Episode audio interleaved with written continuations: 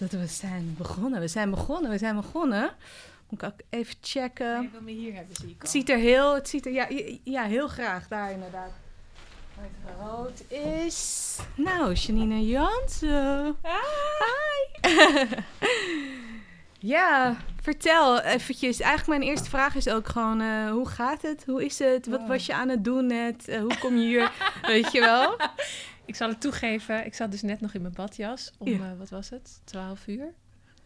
In een artikel, in een paper voor mijn onderzoek. Ja. En toen zei hij, nee, nee, we gaan wel live afspreken ondanks deze tijd. En toen dacht ik, oh ja, tuurlijk. Op de fiets. Ja, heerlijk. Maar heel leuk, heel leuk. Ik ben ook heel nieuwsgierig naar jou. Het is echt lang geleden. Ja, nou ja, ik ga helemaal niks vertellen, dus daar heb je helemaal niks Lekker aan. dan. Wil je in de mic zeg maar zo'n beetje mij een beetje nadoen, dat je hem iets hoger doet en dat soort fijn. dingen? Een lange vrouw. Lange vrouw, ja, dat weten. Zoek echt eventjes Janine Jansen op, Google haar, Dan kan je zien. Kan je, kan- heb je meteen een beeld bij wie, wie ik voor, eh, Zo. nu voor me heb, want ze ziet er niet net gedoucht uit of zo. ik heb wel nat haar hoor. ja, ja, dat zie ik. Dat zie ik. Leuk, Eh. Ja, heel leuk. Maar hoe is het verder? Wat ben je aan het doen? Wat what's going on? Ja, ik ben dus heel druk met mijn onderzoek bezig. Ja, want je Ehm, dacht, eh, hè, ik eh, heb zin om nog eens een keer... iets ergens in te duiken. Gewoon Ja. helemaal mijn tanden in te zetten. En ik was niet per se van plan om te promoveren, maar ik was eh, les aan het geven met een professor en die schoof me zo'n brochure toe en die zei: Is dit niet wat voor jou? En ik zou net met vakantie gaan en ik had net zoiets van: Oh, even lekker chill. Toen ging ik die brochure lezen. Toen merkte ik dat mijn hart sneller ging kloppen. Toen merkte ik dat ik een beetje. Mijn voeten gingen een beetje zo wiebelen. En voor ik het wist, zat ik in Engeland. Een kleine business school tussen Cambridge en Oxford in. En zij hebben een soort hele bijzondere manier van onderzoek doen, action research. Wat een beetje aan de radicale kant zit van de kwalitatieve onderzoeks. eh, Oké, nou ik heb meteen al twee doorvraagvragen. Wat was de reden dat, je, dat de professor met wie je samenwerkte, en waarom, nou ten eerste eigenlijk, waarom werk je met die professor samen? Wat voor professor is het? Hoe zit dat? En wat is de reden dat hij of zij eh, die brochure doorschoof? Eh, zij is Danielle Sandé, een collega van mij op Nijrode. Wij gaven samen Organizational Behavior voor onze jongste studenten daar. Dus dan moet je je voorstellen 17, 18, 19, 20. Echt nog heel jong. En wij mochten dan een introductie doen op het vak. Ehm, En wat tijdens- is organizational behavior?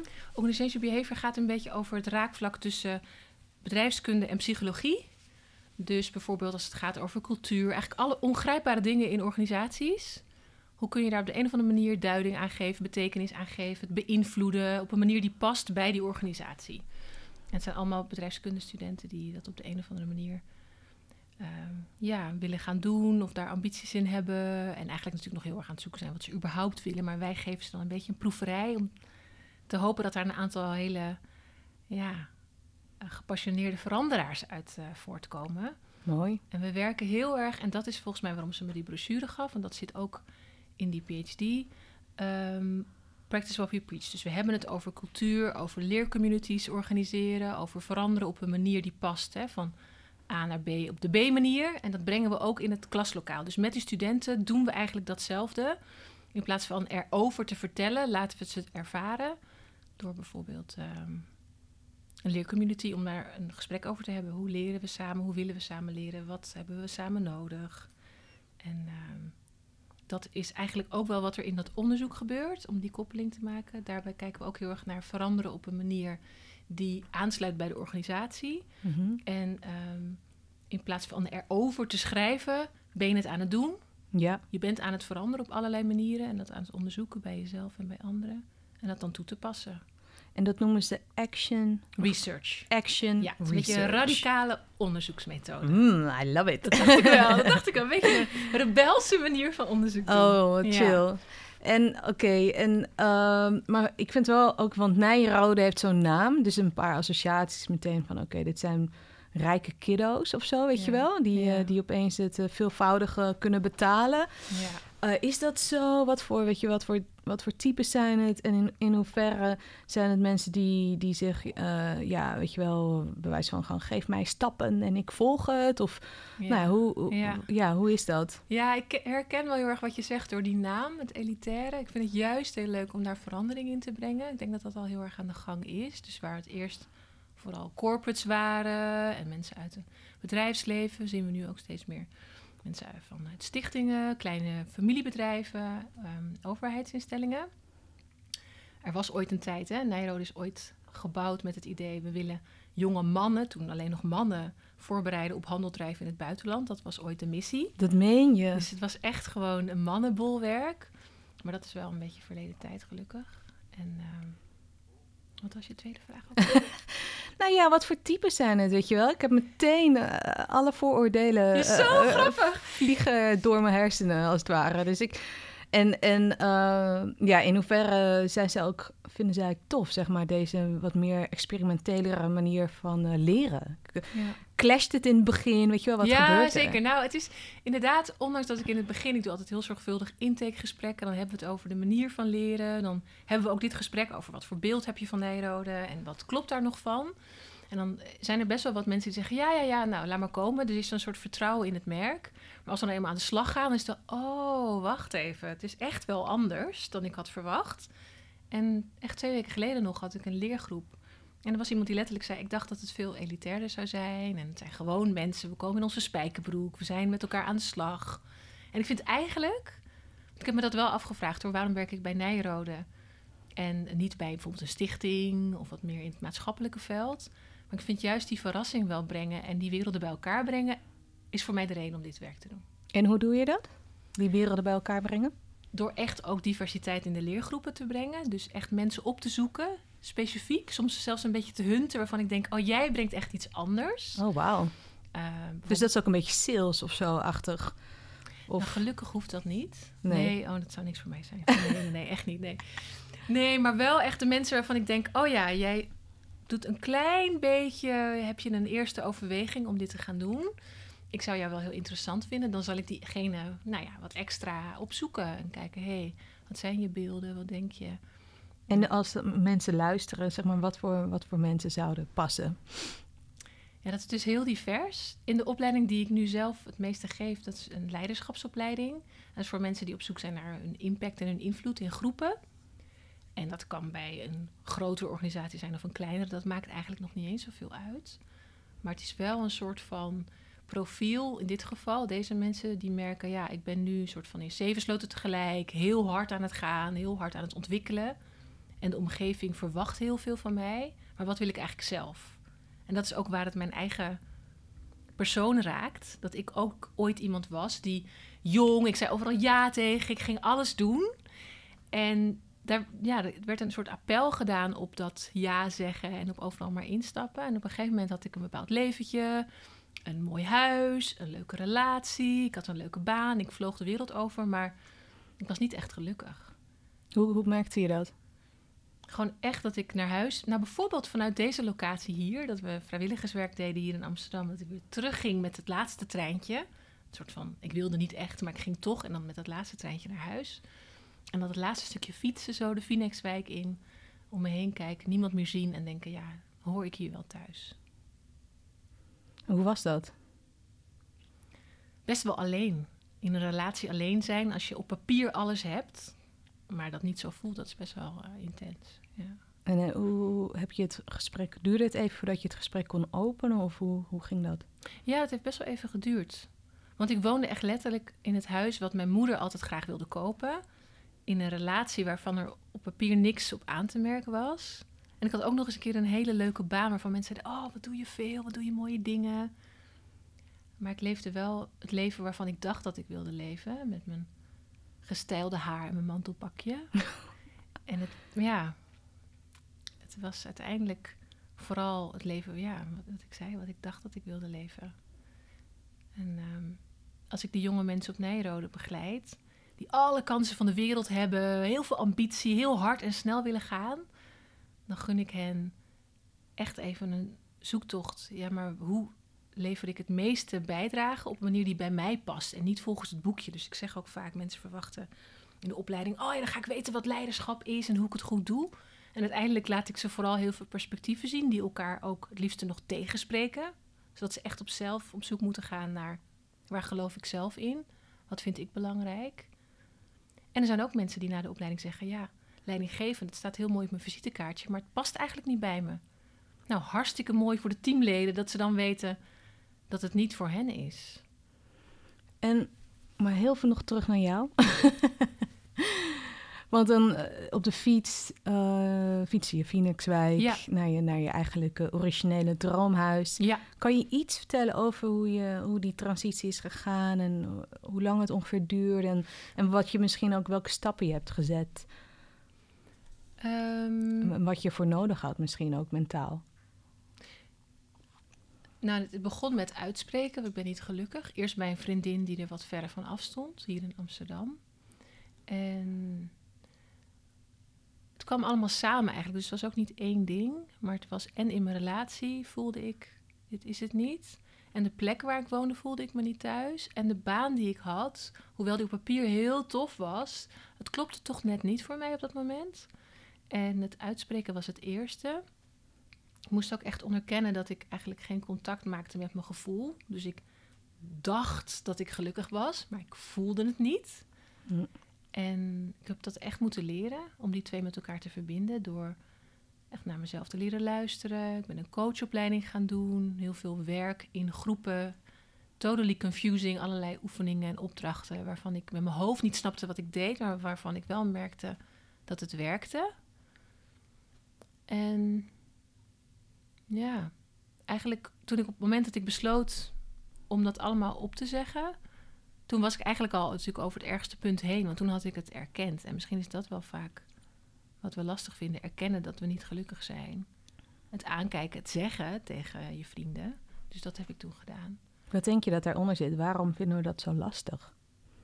Omdat je niet weet wat je... Je weet wat je hebt en je weet niet wat je krijgt. Dus ik had het plaatje. Dat is allemaal heel mooi van de buitenkant. En ik wist niet wat ik ervoor terug zou krijgen. Ik heb letterlijk op mijn oude slaapkamertje gezeten bij mijn moeder. En dat ze zei van, waarom? En dat ik, ja, ik wist niet waarom. Ik wist ook niet precies waar ik zou Wat dan eindigen. wel, Ja, ja. en wat dan wel wist ik zeker nog niet. Dus het is een beetje dat je op reis gaat en dat je terug achterom kijkt en denkt... Ja, ik ben vertrokken, maar ik weet eigenlijk niet meer precies waarom. En ik weet ook niet waar ik naartoe ga. Dus echt zo caught in the middle nog. En dat is eigenlijk het spannendste moment alsof de vloer onder je vandaan getrokken wordt. Ehm, maar ja, als je daar dan doorheen komt, dan durf je ook wel weer alles aan te gaan. En dan heb je toch niks meer te verliezen. Ik had echt letterlijk bijna geen geld. Ik ging voor mezelf beginnen, maar ik wist nog niet hoe. Weet je wel, weer single. Veel van mijn vrienden die hadden net hun eerste kindje of net ook een huis gekocht. En ja, ik wist gewoon, ik kan zo niet verder. Ja. En achteraf, ehm, ja, hoe is het voor je geweest om weer op te starten eigenlijk? Helemaal niet achteraf, maar je, het sowieso achteraf. Mhm, mhm. Je reflecteert nu op iets Ja, van vroeger. Ja, En nee, hoe, zeker. hoe was het om weer op te starten? Of was het, ehm, wat, wat, waar werd je het meest blij van of zo? Waar kreeg je het meeste energie van toen je aan het opstarten was? Ik kreeg heel veel energie van mijn eigen weg vinden. En weer nieuwe mensen om me heen die daarin resoneerden. Die dus die weg herkenden en daar ook mee bezig waren. En ik kreeg heel veel energie van het vrijwilligerswerk wat ik ging doen. En Wat heb je, voor, wat heb je allemaal gedaan? ik heb bij een stichting eh, werk gedaan waarbij ik steeds stichting, andere stichtingen aan young professionals koppelde. Om mooie projecten op te zetten, om hun talenten en hun expertise in te zetten voor het goede doel.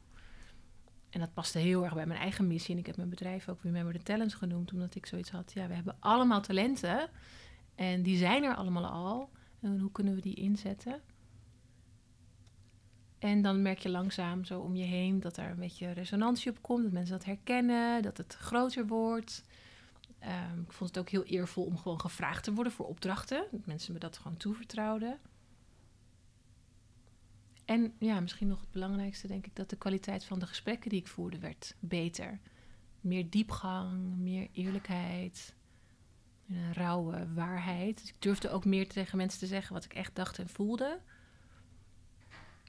waar ik daarvoor Als mensen me dat vroegen. Nee hoor, nee, gaat goed. Mijn stem ging ook een beetje omhoog. Nee hoor, alles is oké, weet je wel. Nu ben ik gewoon meer eerlijker naar mezelf en naar anderen. En zijn mensen ook daardoor eerlijker tegen mij. En heb je wel eens eh, een soort van, ja, klinkt heel erg negatief, maar een soort van terugval gehad dat je het herkende van, hè, oh, misschien ga ik nu weer, uh, of, of sindsdien. Nou, eh, iemand. Wil je niks aanpraten hoor? Nee, het is sowieso meer dag, dag dagelijks toch? Het is steeds een oefening van, oh ja, ben ik weer, wat ben ik nu aan het doen? En ik kan echt heel vaak momenten hebben uh, waarop ik even weer in dat oude patroon kan schieten van, ik moet wel performen. Ik moet wel mijn best doen. Ik moet wel hard werken. Hoe ga je daarmee om? Nou, zoals hier naartoe lopen bijvoorbeeld. En dan denken, heb ik wel iets te vertellen? En dan gewoon even door blijven lopen. En dat zien van mezelf. Oh ja, daar gaat ze. En het dan weer aankijken en dan weer rustiger worden. Ja, ja dat is heel herkenbaar. Dus het is eigenlijk meer een soort dagdagelijkse practice of zo. Het is niet iets wat ooit denk ik ook over zal gaan. Ik zal altijd in situaties komen die spannend zijn voor mij. En dan heb ik een reactie. Maar het is meer dat ik die reactie steeds sneller herken. En dan, oh ja. En mezelf het ook niet kwalijk neem dat ik dat weer even doe. Mooi. Nou, je traint mensen of je geeft les of zo, hoe je dat zo. En je volgt zelf, nou ja, je hebt een hoop opleidingen gevolgd en je bent nu een PhD aan het doen. Zou je, ja, dit is ook echt pure nieuwsgierigheid hoor, maar zou je misschien kunnen opnoemen wat je allemaal hebt gedaan? En, um, en wat het je heeft gegeven. ofwel wow. terug in de tijd, ofwel um, um. Vanaf, vanaf de start tot nu. Nou, als je vraagt naar patronen in opleidingen, kan ik je alvast vertellen dat ze steeds vager, ongrijpbaarder, ergens spannender worden. Dus in het begin nog wel echt modelletjes. Bijvoorbeeld, ik heb, uh, zeg maar wat, ik ben gecertificeerd MBTI-trainer. Dat is fijn, want dat zijn 16 hokjes. En dan weten mensen gewoon, oh ja, ik heb dat profiel of ik heb dat profiel. En um, dat gaf Van Myers, Myers-Briggs Ja, uh, Myers-Briggs Type Indicator. Dat was voor mij een ingang om meer op persoonlijk niveau te werken. Want daarvoor werkte ik uh, wat meer op inhoudelijk strategisch niveau bij organisaties. En scenario denken was ook een hele mooie ja, gestructureerde manier om mensen aan het denken te zetten of in gesprek te laten gaan. En met MBTI deed ik dat eigenlijk ook, maar dan op meer persoonlijk niveau. Ja, heel veel. Scenario denken, dat is eigenlijk ook waar ik je van ken. Ja. Consultancy uh, Future Consult. En die hebben gewoon echt toekomstscenario, een model om dat uh, op te zetten. Dus dat is eigenlijk zo, zo is je eerste tool of zo. Je allereerste baantje. Je allereerste baantje. Ja. Ja. Toen ging je MBTI, uh, nou ja, werd je eigenlijk MBTI-coach. Ja, en faciliteren van gesprekken zat er ook heel erg in.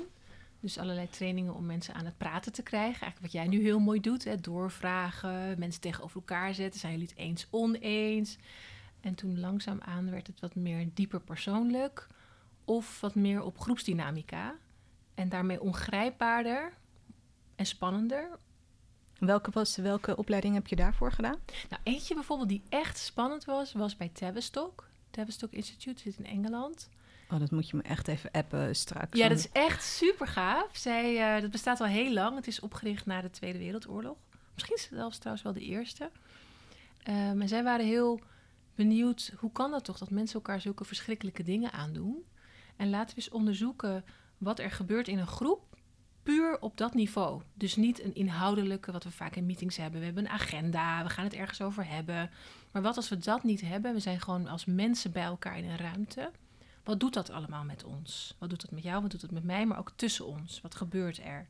En er kunnen hele mooie, prachtige dingen ontstaan tussen mensen, maar ook natuurlijk hele monsterlijke dingen. En dat hebben ze onderzocht. In eerste instantie als methode om te onderzoeken, maar later werden daar ook opleidingen in aangeboden. En moet je voorstellen, twee weken lang met 60 mensen die elkaar niet kennen uit alle werelddelen. Ja, in een heerlijk. ruimte. zonder agenda. Oh, zonder begeleiding. Nee. Zonder. Het enige wat je had was een ritme in hoe grote groepen waren waar je in zat. Dus we begonnen met 60, toen gingen we naar 30, toen gingen we naar 15, toen gingen we naar 6, weer terug van 6 naar 15, naar 30, naar 60. En dat dan twee weken lang. Dat meen je. En daar ja, kom je jezelf de hele tijd tegen. Wat doe ik in een groep? Wat voor gedachten heb ik? Wat voor ritme zit daarin? Wat wow. voor patronen? En wat zag je? Wat zag je bij jezelf? Wat zag je bij anderen? Ik zag bij mezelf heel erg willen oplossen, harmonie, faciliteren. Er is bijvoorbeeld Nou, ik zal niet te veel verklappen, maar een van de dingen is hoe je wordt neergezet. Want dat wordt wel in eerste instantie ingericht. En ik wilde dat meteen comfortabeler maken. Ik wilde meteen een beetje sfeer inbrengen. Hartelijk mensen toelachen. Vriendelijk oogcontact maken. En ik werd meteen in de eerste tien minuten... was iemand die dat meteen heel irritant vond. Van, hoezo neem jij de leiding hier? Daar schrok ik natuurlijk van. Ehm, en later ben ik dat ook wel als een kwaliteit gaan zien. Dat ik blijkbaar heel veel liefde kan vasthouden in groepen. Ook als het ingewikkeld wordt. Ook als het spannend wordt. Dan blijf ik de mooie dingen zien. Blijf ik kijken, hé, hey, wat doet iemand goed? Maar het is ook wel voor sommige mensen gewoon ronduit irritant. Dat, dat lachen, dat vriendelijke, dat uh, laten we lekker ruzie maken. Hoezo moet het zo lief? Ja, ja. En bij andere mensen zag ik hele andere patronen. Um, de spanning juist opzoeken of juist wegnemen, uh, weglopen of juist echt uh, de dingen aangaan. Er zijn allerlei van die mechanismes, daar is ook heel veel over geschreven, heel veel over gepubliceerd, die mensen dan uh, ja, tot zich gaan nemen om te overleven in de groep. En de groep aan zich wordt ook een eigen entiteit, dus die gaat zich ook op een bepaalde manier gedragen. Krijgt ook een bepaalde persoonlijkheid bijna. Exactly, ja. ja. En dus nul theorie, twee weken lang alleen maar met elkaar zijn. En weet je wat het is? Misschien had ik, ik had van tevoren heel veel kunnen lezen, maar ik was gewoon toevallig de directeur tegengekomen van het instituut. We werden een soort van vrienden. We sliepen daar op de bank in Londen. Toen zei ze: Dit is echt iets voor jullie. Ik heb me gewoon ingeschreven. Ik ben er gewoon ingedoken. En dat is misschien maar goed ook, want ik weet niet of ik het anders had gedaan. Maar um, dat is wel een opleiding die ik heel erg kan aanraden. Als je met groepen werkt. Ja. Oeh, nu al zin in. En, uh, en, na corona trouwens, uiteraard. Ja. Want dat is waarschijnlijk ja. niet. Nou, nu echt. online. Je hebt heel veel. Dat heet in het Engels group relations. Je hebt heel veel group relations conference over de hele wereld. En die worden tegenwoordig ook online gedaan. Maar ja. dat is wel echt anders. Toch? Ja, god, ik kan het toch. Vind ik toch heel moeilijk. Die spanning van in je lichaam dat je voelt. Wow, hier gebeurt wat. Weet je, of het nou mooi is of heel lelijk is wat we aan het doen zijn. Wow, er gebeurt hier iets. Dat heb je natuurlijk. Nee. Niet. En um, andere opleidingen, want ik weet dat jij hebt echt een bunch of opleidingen gedaan. Je hebt uh, Phoenix, toch Phoenix of ja, Phoenix? Phoenix. Ja, ja. Phoenix uh, was uh, met opstellingen werken en teams. bij ITIP was dus de coachopleiding. allerlei dingen, ja, deep democracy, allerlei methodes. Een beetje een soort van toolbox ontwikkelen. De ene keer past dat beter, de andere keer past dat beter. Um, en nu PhD. Ja, wat ook in een opleidingsvorm is, dat is wel bijzonder. Veel PhD-studenten worden vrij eenzaam, omdat je het in principe alleen doet. Maar wij worden in een groep begeleid, waarbij we elkaars papers lezen, elkaar feedback geven. Dus je leert ook heel erg via en met anderen. Wat ook heel erg past bij mij, leren in groepen. En je krijgt veel meer rijkdom en perspectieven mee, omdat de ene zit uh, in de UK, de ander zit. Uh, we hebben iemand uit Zwitserland, we hebben iemand uit Sri Lanka. De, ook die perspectieven neem je allemaal mee. Dus dat is wel heel. En dit is online? Nee, het is deels live, deels online. Oké. Okay. Ja. ja, nu natuurlijk even online, maar. In ja. principe, oké. Okay. Ja, ja. En een van zeg maar de dingen, ja, dit is eventjes uh, een soort van persoonlijk ding waar ik, ik hou heel erg van al dat soort opleidingen. Um, maar waar ik altijd een beetje bang voor ben, is dat ik ga hoppen. Weet je, dat ik, nou, dan bijvoorbeeld die democracy, dan dit, dan dat. Heb je daar ja, misschien heb je dat helemaal niet, maar ik ben wel benieuwd van, heb je ooit nagedacht van, hé, hey, je moet een rode draad in en of, oké, okay, en nu ga ik vol hierop of vol daarop, of ja. voelt het meer als gewoon je bakje vullen? Hoe ga jij daarmee om? Ik zie het meer als dat die methodes of die technieken of die theorieën gaan toch via mij. En ik vertaal het sowieso. Ik kan niet neutraal iets ontvangen. Ik denk dat wij mensen gewoon niet neutraal zijn en ook niet zouden moeten zijn. Um, dus we vertalen het altijd en ik maak er toch altijd iets van mezelf van. En pas als ik dat doe, dan is het ook geloofwaardig voor een ander. Dus um, ik zal altijd, um, nou bijvoorbeeld een hele mooie vorm vind ik over de streep. Ik heb met de oprichters van, van die methode gewerkt. Maar ik ga het dan niet helemaal zoals zij doen. En ik doe het natuurlijk als ik denk dat het, dat het nuttig of, of zinvol is voor de groep. Um, en ik heb ook wel eens een keertje iets gedaan waarvan ik dacht dat het moest hoor. En waarvan ik erachter achter kwam dat het niet bij mij paste. Maar dan heeft de groep dat misschien niet bewust, maar onbewust meteen door. En dan, ja, dan denk ik, oh wacht, dit, dit wat, wat, wat dan? Nou, er zijn van die persoonlijkheidsmodellen die mensen in vier hokjes plaatsen. Ja, dat ja. gaat mij dan weer. Ik vind 16 is ook nog steeds doet ook nog geen recht aan de werkelijkheid, maar ik vind vier hokjes wel echt heel weinig. Heel weinig, ja. En dan kom ik gewoon in de knoeien, want dan kan ik mijn ehm, nuance niet kwijt. Ja. En dat merken mensen.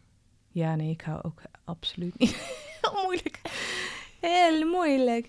Hey, en eh, op dit moment persoonlijk, weet je, hoe ehm, kijk jij naar de wereld, de, de toekomst? Eh, wat zijn jouw soort van dromen of, of, of ambities?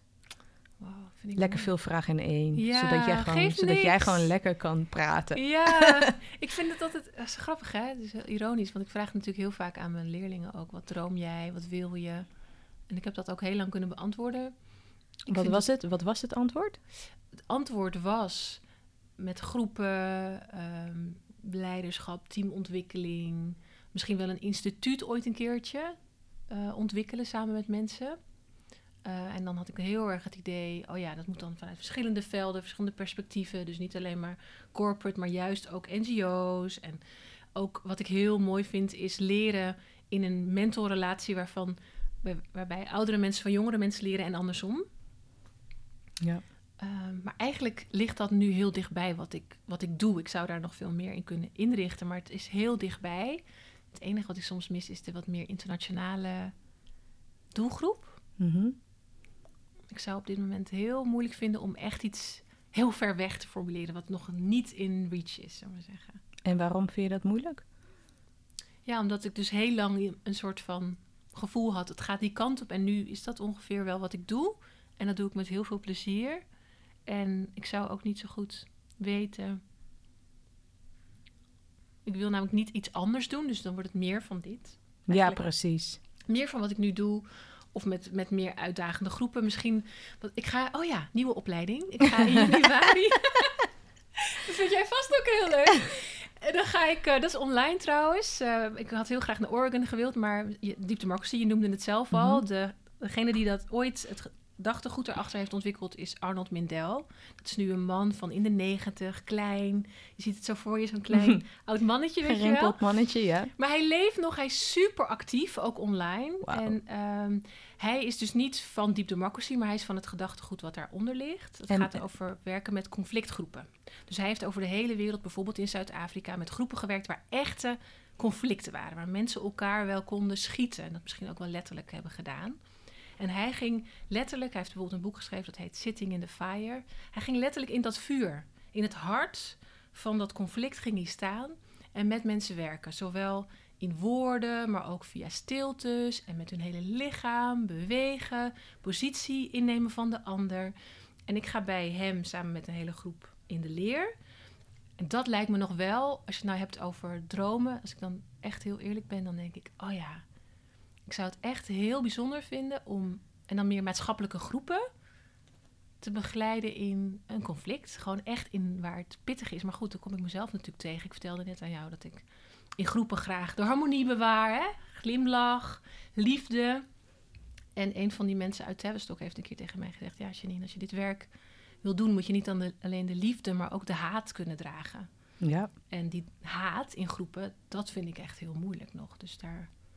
Heb je, ben je wel eens in situaties waarin, waarin je dat voelt? Of... Want ik herken ook wel dat je vanaf eh, wil blijven hoor. Er zijn heel Mhm, veel mhm. maatschappelijke thema's waar ik heel veel affiniteit en heel Ja. graag tegenaan zou willen bemoeien. Maar tegelijkertijd denk ik, nou, wat ik doe is eigenlijk ook wel heel erg fijn en veilig. Ehm, Dus weet je wel, ergens van, is er iets waarvan je denkt, oh, ik, ja, nee, spannend, toch niet, of zo, weet je? Nou ja, de rassendiscussie komt heel dichtbij voor mij. Hè? Met een eigen mixed roots achtergrond. Wat is je achtergrond? Mijn vader komt uit Curaçao, mijn moeder Nederlandse. En daarachter zitten nog wel weer allerlei andere... Ik heb een hele kleurrijke familie met achternamen als Menegini en Jukeland. En eh Jansen is dan de, de Curaçaose kant. Ehm, en ik heb het heel lang lastig gevonden als mensen me vroegen... En Janine, wat vind je van Black Lives Matter? Dan had ik gewoon geen woorden, merkte ik. En misschien daarom juist zou ik wel een persoon kunnen zijn die ermee zou kunnen werken. Omdat ik ook letterlijk verschillende rassen in mij heb. Ehm, Maar ik zou nog niet weten hoe. En ik weet niet of ik daar nu klaar voor ben. Maar dat zou wel, denk ik, als je, wat ik volgens mij proef, zegt juist hetgene waar je niet naartoe wil. Dat is misschien Mhm. interessant. Ik zou het alleen niet weten hoe. Want ik, ik merkte bijvoorbeeld, ik heb niet gedemonstreerd. Ik stond niet met een spanbord, terwijl een deel van mij was echt heel ontroerd door die beweging. En ergens was het ook niet mijn activisme. Het vond ik heel ingewikkeld, want het voelde wel alsof ik mee moest doen op de een of andere manier en daar woorden aan geven. En ik heb hele mooie gesprekken gehad met mijn vader en mijn broer erover en ook met mijn omgeving. En ik breng die achtergrond van mezelf wel meer ook in als ik mezelf introduceer in groepen. Vertel ik iets meer over mijn achtergrond, omdat het denk ik ook beïnvloedt hoe ik in groepen sta. Maar ik zou nog niet weten hoe, wat, wanneer, eh, met wie. Ja. Doet me denken meteen aan ehm Oprah. As you do. Nee, dit kon, nee, maar dat heeft meer te maken met dat zij helemaal niet per se zichzelf meeneemt eh, dan, Oh, vind ik. Dan. Ja. Want ze heeft vroeger, weet je, echt in haar begintijden, dan eh, heb je zulke mooie beelden van dat zij dan in een, in een plaatje kwam waar racisme echt Ja. niet normaal. Weet je, ken je ja, die beelden? experimenten met blauwe ogen. Nou, nee, ja, en zelfs ook gewoon een open gesprek over eh, blank en zwart, zwarte bevo- En dan waren er echt hele heftige racisten in het publiek, Mm. die zij gewoon heel, is gewoon haar, weet je wel, haar talent, Ja, vragen stellen, ja, ruimte geven, ja, erkennen, eh, dat deed. En ergens, ja, weet je wel, tuurlijk neemt zij ook een achtergrond mee. En Mhm, ehm, mhm. en, en, en vooral een, een soort van, nou ja, heeft zij natuurlijk gewoon in armoede en weet ik veel. maar heel goed eh, daarin American Dream, zeg maar, gerealiseerd. Maar ook gewoon die skills van haar, weet je wel. ja, Dus eh, ja, zeg maar in het begin... En dat is altijd wel een beetje moeilijk, vind ik, met dit soort dingen, identiteit. Van, in het begin vertel je gewoon, ja, eigenlijk eh, zit ik gewoon, als je gaat over de, de Mhm. grondlegger van Deep Democracy, en wat je Mhm, vertelt, mhm. dat zijn gewoon eigenlijk tools Ja, Ehm, Ja. dat je, als je daar gewoon super goed in bent. ja, Ik zou het, ja, ergens denk ik, ja, inderdaad, juist dat debat eh, vraagt echt om healers, Ja. om het maar even zweverig Ja. te zeggen. ja, nuance, een, mooi gesprek, onderzoek bij jezelf en via de ander. Ja, en niet eh, een beetje losse statements. Of, eh, ik vind het heel lelijk hoe het debat nu is. En ik, ik snap ook dat het lelijk is, want het is ingewikkeld. Eh, maar ik ik denk dat het wel veel levenservaring vraagt om dat soort gesprekken goed eh, te begeleiden. En dan ook, want dat zou ik vroeger gedaan hebben, een gesprek begeleiden, maar ik deed er zelf niet aan mee. Ja, Hè, vanuit mijn professionele rol ga je toch niet instappen. Maar ik denk eigenlijk dat het echte werk is dat je en jezelf meeneemt. Ja. Juist ook, wat ik eerder net zei, we zijn niet neutraal. We zijn gewoon niet neutraal als mensen. nee. Daar maar eerlijk en open over te zijn en dan toch dat werk doen. En misschien het feit dat ik die beide rassen, het zijn eigenlijk sociale constructen, maar die beide rassen in me heb, kan dan misschien helpen dat ik me kan verbinden met meerdere kanten. Ik weet het niet. Ja. Heb je ooit iets gemerkt dat je bijvoorbeeld minder privileges had of minder kansen kreeg of minder, nou ja, wat dan ook? Nee, ik denk eerlijk gezegd dat het andersom is. En dat ik soms iets proefde van... oh ja, exotisch, anders, bijzonder en vrouw. En dat komt nu ons ook wel goed uit. Meer zo. Dus dat het in mijn voordeel heeft gewerkt. En dat ik ook opval. Ehm, ik denk niet dat het in mijn nadeel heeft gewerkt, eerlijk gezegd. Nee, niet voor mij. Maar misschien voor mijn broer en zeker voor mijn vader. Ja. En heb je daar iets van meegekregen? Nou, dat viel best wel mee. We hebben het er de laatste tijd natuurlijk veel over gehad door de hele movement. En, eh, en toen schrok ik wel. Ik had een verhaal in mijn hoofd dat hij alleen in het begin, dat weet ik wel, allerlei verhalen over toen hij net in Nederland kwam. Want hij was heel vroeg, er waren nog weinig Antillianen, eh, midden jaren zeventig. Ehm, toen heeft hij wel verhalen verteld over die tijd, dat, er dat, eh, dat hij racisme tegenkwam. Maar ik had altijd zo in mijn hoofd, oh, dat was alleen maar in het begin, weet je wel. En Nee, dat bleek natuurlijk niet zo te zijn. Dus dat was wel confronterend. Dus dat is voor mij wat oogkleppen die afvielen. Mhm. Oh ja, het is er gewoon. En misschien is dat ook wel een beetje die balans die ik nu aan het zoeken ben in groepen. Dat er is liefde. Ik geloof heel erg in mooie dingen in groepen. Maar er is ook van alles wat, wat lelijk is. En, en wat ik ook moet durven aankijken. Wauw. Ja. Stel je voor dat je... Oké, nu ga ik alleen maar het lelijke. Jee. Weet Kijk je wel? wat er gebeurt. Ja. Ja, ik had vorige, vorige keer dat ik een groep begeleidde, de laatste keer, toen zei iemand van Janine, je maakt het heel snel veilig in groepen. En dat woord kreeg ik op een gegeven moment zo vaak terug dat ik moest nadenken over, oh, dat is blijkbaar wat ik doe. En hoe komt dat? Waarom doe ik dat? Ehm, en je kunt zeggen hoe, dat zijn de tools en de opleiding, maar er zit een bepaalde drijfveer blijkbaar die heel diep zit, want het was deels onbewust. Ehm, en ik denk dat hij daarmee te maken heeft, ja, met die, met die mix van, van liefde en wat minder oog voor, voor haat. Terwijl ik denk dat als je echt duurzaam mensen wil ontwikkelen, groepen wil ontwikkelen, dan zul je ook naar die lelijke kant moeten, moeten kijken en er niet te snel van weg willen gaan. Ja. Interessant. Ik, eh, ja, heel interessant. ik heb nog een paar korte vraagjes om Ja, een beetje tuurlijk. af te... Eh, is, er, is er iets wat je, ehm, als mensen zeg maar dit veld in zou, zouden willen gaan, het veld wat jij doet, met mensen werken, eh, is er iets waarvan je zegt, hè, start daar? Of eh, Wow. lees dit boek of luister, kijk die YouTube-channel of wat dan ook. Nee, ik zou aan mensen eerst willen vragen: waar ben je nu goed in? Dus wat, wat kun jij als geen ander? Waar kunnen we jou voor wakker maken? Waar krijg je energie van? En vanuit daar vertrekken. Want ik denk dat er honderdduizend manieren zijn om in dit veld terecht te komen. Je kunt beter vanuit iets vertrekken wat je al in huis hebt. En dat groter en sterker maken. En bij mij was dat bijvoorbeeld het faciliteren van gesprekken. Ik deed het dan op strategisch niveau. En toen ging ik het op persoonlijk niveau doen. En toen had ik in plaats van vier toekomstscenario's had ik 16 MBTI-types, om Ja, ja. zo te zeggen. En dat was voor mij de, de, de stap. En toen groeide ik erin. En langzaamaan kreeg ik steeds meer mee van naast het rationele, het irrationele van mensen. En naast wat meer de inhoudelijke kant van ontwikkeling, de persoonlijke kant van ontwikkeling. En dan kon ik steeds meer zien wat er in groepen gebeurde en wat er bij mezelf gebeurde. En steeds meer in ontwikkeling begeleiden. Maar ik denk dat eh, ieder dat op zijn eigen manier te onderzoeken heeft. Ik geloof niet zo in van, nou, ik geef je even drie tips, wham Nee. bam, en dan ben je er of zo. Dus dat is dan meer een gesprek. Ehm, en wat mij heel erg hielp, was ook gewoon mentoren opzoeken en met hen mee mogen lopen. Veel gesprekken voeren. Steeds meer van mijn vrienden werden ook mensen die ditzelfde vak in zijn gegaan.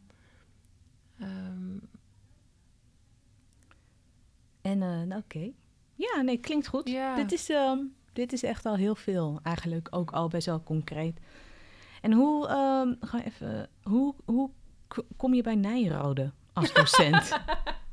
Ja, dat was ook via drie of vier verschillende richtingen. Dus ik had bijvoorbeeld een collega die een masterclass gaf en ik kon een keertje invallen. Er was een professor waar we wel eens mee werkten. Zij had mij een keer als docent gevraagd. Um, dus er waren allerlei lijntjes. En dan was eerst een keertje twee uur een workshop geven en dan een dag. En voor ik het wist, uh, ja, ben ik daar een soort van ingerold. Ik wilde helemaal niet in loondienst, als ik heel eerlijk ben. zo is het gewoon gegaan. En uh, ja. Ik heb daar niet een soort heel spannend verhaal over. Dat is meer gewoon zo heel voorzichtig. Oh ja, dit is eigenlijk best wel heel leuk. En we gaan daarin meer doen. En het past. En dan rol je zo van het een in het ander. Dit is gewoon een inrol ja, ding geweest. Inrol. Dus je, wederom heb je niet een recept voor me hoe, hoe ik bij oh. Nijrode... nee, grapje. Gewoon Maakt niet uit. Maakt niet uit. nou, maar er zijn, ja, ik vind er zijn heel veel leuke instituten. En het is denk ik, vooral is er een match qua cultuur. Nijrode heeft van de buitenkant misschien iets elitairs en formeels, maar binnen is gewoon best wel heel zacht en informeel. En zijn heel veel super hardwerkende vakidioten die gewoon helemaal gaan stralen als je een vraag over hun vak stelt. En daar voel ik me wel thuis. Ja. ja. ja. En dat is wel grappig, want ergens uh, heb je het mantelpakje of zo opgehangen en vaarwel ja. gezegd. Ja. Maar aan de andere kant kom je eigenlijk ook wel weer op een school waar best wel wat mantelpakjes. Grappig, ja, toch? Maar hoe leuk is die edge dus? Als je het hebt ja. over, over anders, je anders voelen, anders zijn, een beetje dat opzoeken, dan is het dus voor mij bijvoorbeeld echt een statement om op de eerste dag mijn gimpen aan te trekken. Ja. Van we zijn hier allemaal mensen, we zijn allemaal gelijk, we komen om te leren. Leren gaat niet over jezelf groter maken en stoer voordoen. Dus laten we dat dan ook weer vallen. En ik denk dat de kwaliteit vooral de naam hoog moet houden en niet eh, het kasteel of Ja. Hoewel ik het ook prachtig vind, ergens. Het heeft iets heel erg Harry Potters.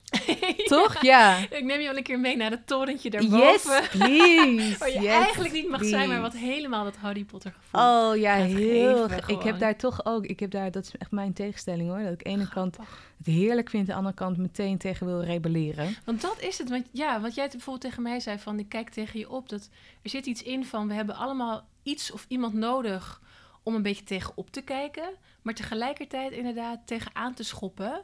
En het geeft superveel informatie Ja, op die edge daarvan. En Ja. ik herken dat ook. Ik zat ook van ja, Nijrode. En, maar ik vind nu superleuk om juist allerlei mensen naar binnen te halen... die daar niet vanzelfsprekend misschien naartoe zouden gaan. Om juist dat elitaire een beetje op te schudden. En ik ben ook niet de enige. Er zitten allerlei rebellen in de organisatie ook... nice. die, die hekken naar beneden willen Ja. schoppen. Nou, le- let me in. Nee, ik ga graag een keer mee. Eh alright. Nou, dan eigenlijk eventjes een afsluitende vraag van... Hè, hoe kunnen mensen jou bereiken als ze met je willen connecten... of meer willen weten Oh, over wat je doet? Ja, altijd welkom. Ehm, op de social media's, denk ik. Berichtjes sturen. LinkedIn? alleen maar leuk. Ja, zeker. LinkedIn. Heb ik ook een enorme groep mensen die ik volg. Allerlei berichtjes, inspiratie. En dan eh, ben ik altijd wel een beetje op zoek naar tweerichtingsverkeer. Dus dat iemand ook iets brengt. Het is altijd denk ik heel mooi om te kijken, hé, wat hebben we samen? En eh, ik denk dat iedereen iets te bieden heeft. Dus eh draag ik graag aan bij. Tof. Dankjewel, Janine. Graag gedaan, lieve schat. Leuk. Even kijken, waar heb ik dit?